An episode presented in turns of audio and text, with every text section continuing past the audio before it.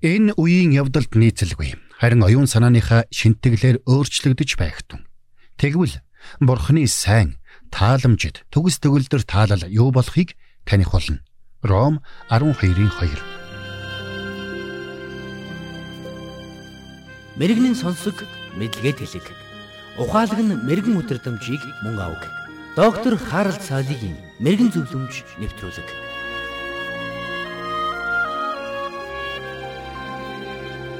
Олон мянган ирчүүд түүнд гэрлэх санал тавьж байжээ.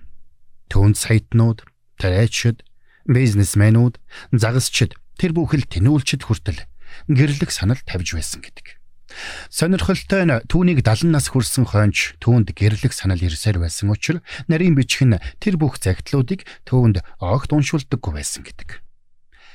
Тэр эмэгтэй алдартай жүжигчин кинод биш Гэсэн ч тэрээр 38 мянган ирчүүд эмэгтэйчүүдийг эгнээндээ нэгтгэсэн байгууллагын тэргүүний ажлыг хийж 86 оронд сайн үйлсийн элчээр томилогдож байсан юм. Тэр хүний нэрийг Евангелийн бүүт гэдэг. Авралын армийн удирдагчаар ажиллаж байсан тэрээр тэтгэврт гарсан хойноо яг л 18 та охин мэд хөнгөн шингэнээр сэлж усанд үсэрч байсан гэдэг. Төвний тэр бүх эрж хүч, сэтгэл татан байдлын цаана ямар нууц оршиж байгааг асуусан сэтгүүлчид тэрээр би бусдын төлөө амьдардаг. Уулдсан хүн бүрээ би илүү ахиж дэвшээсэй гэж хүсдэг хэмээн хариулсан байдаг.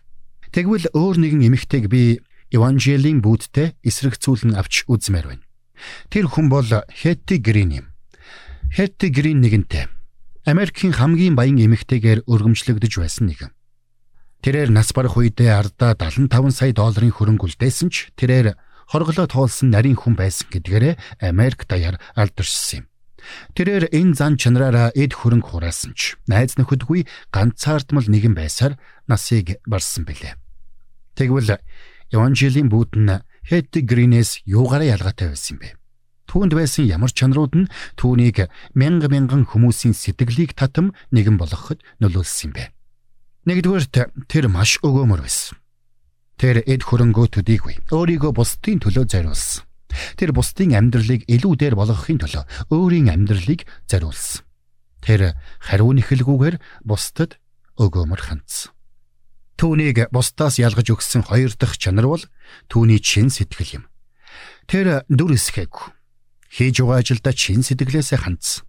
Тэр бусдад сэтгэл төрүүлэх гэж хичээгээгүй Тэр гадаад байдлаараа бус харин чин сэтгэлээрээ бусдад дурсагдж явдаг нэгэн байсан. 3 дугаарт тэр итгэл үнэмшлийнхээ төлөө бат цогсдог байсан.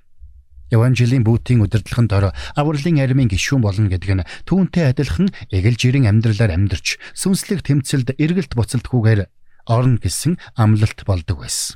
Айрам гэдэг энэ үг нь өөрөө үүнд нэгдсэн хүмүүсийн амьдралын хэв маяг ямар байх учиртайг илтгэж байсан. Харин ийм хүмүүсийг удирдахын тулд түүнд маш хүчтэй итгэл үнэмшил, бусдыг удирдах эр зориг шаардлагатай байсан. Харин Евангелийн үүнийг амьдралаараа харуулж чадсан юм. Түүнийг бусдаас ялгаж байсан дөрөв дэх чанар бол өөртөө эсвэл хүмүүст бас харин бурханд таалагдах гэсэн чин эрмэлзэл байсан. Тэрээр Галаад номоос Паулийн бичсэн дараах үгсийг үргэлж иш татдаг байсан гэдэг. Учир нь эдүүгээ би хүмүүсийн тааллыг ирж байна уу? Эсвэл бурхныхыг үү? Эсвэл би хүмүүст таацуулах уу? Хэрв би идүүгээ хүртэл хүмүүст таацуулсаар байсан бол би Христийн зарц биш байх байсан. Галаат 1:10 гэж Элч Паул бичсэн байдаг. Эцэст нь түүнд байсан тав дахь чухал чанарыг хэлж өгье. Тэр өөрөөрөө байж чаддаг нэгэн байсан. Тухайн үед өндөр настай болсон хойноо усны хувцс өмсөд өндрөөс үсрэн гэдэг хэр баргийн хүний зөрхилж хийж чадах үйлдэл биш байсан. Гэсэн ч тэр бусдын юу гэж хэлэхээс үл шалтгаалan өөрөөрөө байж чаддаг нэгэн байсан. Би хувьда амьдрч буй үеийнхэн хөвшмөл байдлыг үл дагаж бусдын тогтоож өгсөн явцуу хэв маягт нийцэхээс зоригтойгоор татгалзаж бурхны төлөө товштайгаар зогсож чаддаг хүмүүсийг гүнээ хүндэтгэн биширдэг. Үнэхээр бурхан бидэнд Евангелийн бүүж шиг хүчрхэг бүсгүүчүүдийг олноор нь хүчрхэгжүүлэн босгож өгөх болтугай.